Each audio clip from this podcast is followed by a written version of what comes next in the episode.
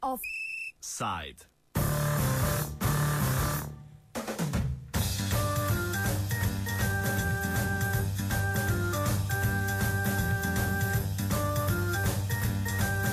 Razvoj slovenske palijativne oskrbe.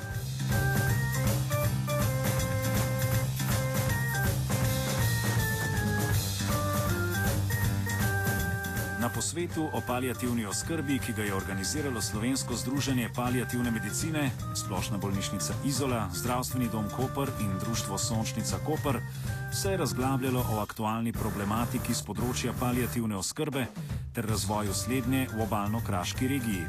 Več nam je povedala državna koordinatorka za palijativno oskrbo Mateja Lopuh. Kot že rečeno, namenjen oblikovanju regijske mreže, mreže na obalno-kraškem področju. Jaz mislim, da čeprav posveta še ni konc, ampak mislim, da, bodo, da so zaključki tega posveta za organizatorje, torej prej omenjen zdravstveni dom Kopar, potem splošno bolnišnico Izola, med udeleženci so predstavniki domov starejših občanov, zelo obetavno. Podpora je izražena tudi strani lokalne skupnosti mestne občine Koper in mislim, da je zdaj v nadaljem razvoju treba samo posamezne nosilce te paljativne oskrbe med sabo povezati, zagotoviti neprekinjeno, nepretrgano oskrbo bolnika na prehajanju med posameznimi inštitucijami in po moji oceni si obala lahko veliko vidi. Glavno vprašanje razvoja palijativne oskrbe je njeno izvajanje in financiranje, nadaljuje Mateja Lopuh. Primarno naj bi se palijativna oskrba vršila v domačem okolju, torej tam, kjer bolnik živi, tam, kjer živi njegova družina. Če je možno, ne, če si bolnik tega želi, če ima družina možnost spremljati tega bolnika na domu in seveda organizirati vse druge oblike pomoči, ki družini pri tem pomagajo, kot je recimo pomoč na domu, patronažna medicinska služba, uh, potem um, socialni, mobilni socialni delavec. Skratka, kar pač družina v takem, v svojem okolju potrebuje, da lahko težko bolnega neguje doma. A kdo bi pa v tem primeru bi potem kdo to financira, oziroma bi se to financiralo iz javnega zdravstvenega denarja? Torej? Ja, to je, to, je, že itak obstoječa javna zdravstvena mreža. Te strukture, kot so patronažna medicinska služba, osebni zdravnik, ne, to itak že vse obstaja. Kar je teh raznih oblik pomoči na domu, tukaj pa se pričakuje tudi angažma lokalne skupnosti, ne, ker te, te oblike pomoči delno financirajo občine in je zdaj financiranje odvisno od prispevka občine, posamezne občine. Ne. Obstajajo že občine v Sloveniji, kjer recimo tega prispevka ni treba plačati, ne. tako da tukaj seveda je odvisno od tega, koliko se lokalna skupnost sama angažira.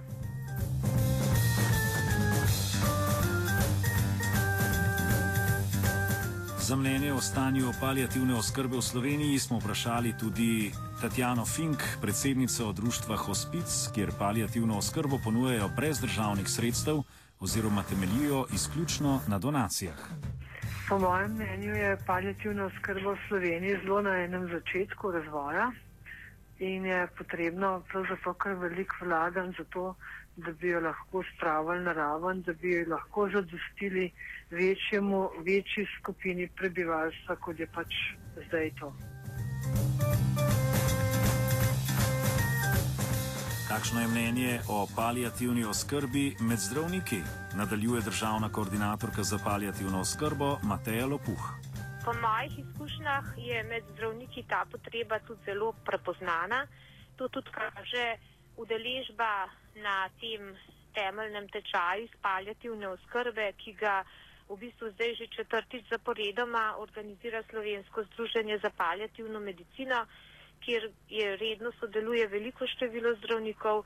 To kaže tudi številni klici zdravnikov iz terena, na recimo mobilni specialistični paljativni tim, kjer sprašujejo, kjer kažejo želje, kjer kažejo interese. Mislim, da v tem ni nobenega dvoma, da, da seveda potreba po organiziranem tudi pridobivanju znanja iz paljativne oskrbe med zdravniki ne bi bila prepoznana.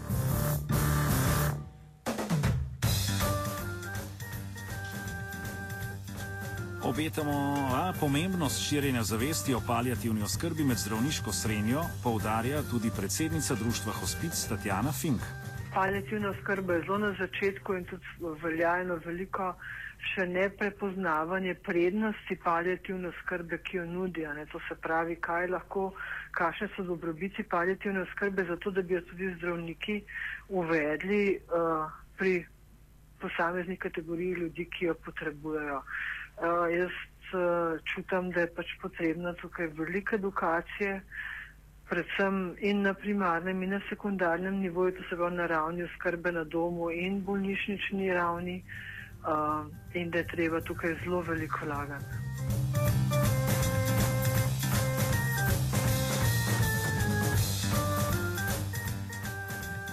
Obetamo si lahko torej nadaljni razvoj palijativne oskrbe v Sloveniji. Tu je potrebno povdariti, da je palijativna oskrba v državah Zahodne Evrope ustaljena praksa. Zato je lahko upamo, da čim prej dosežemo ustaljeno evropsko raven.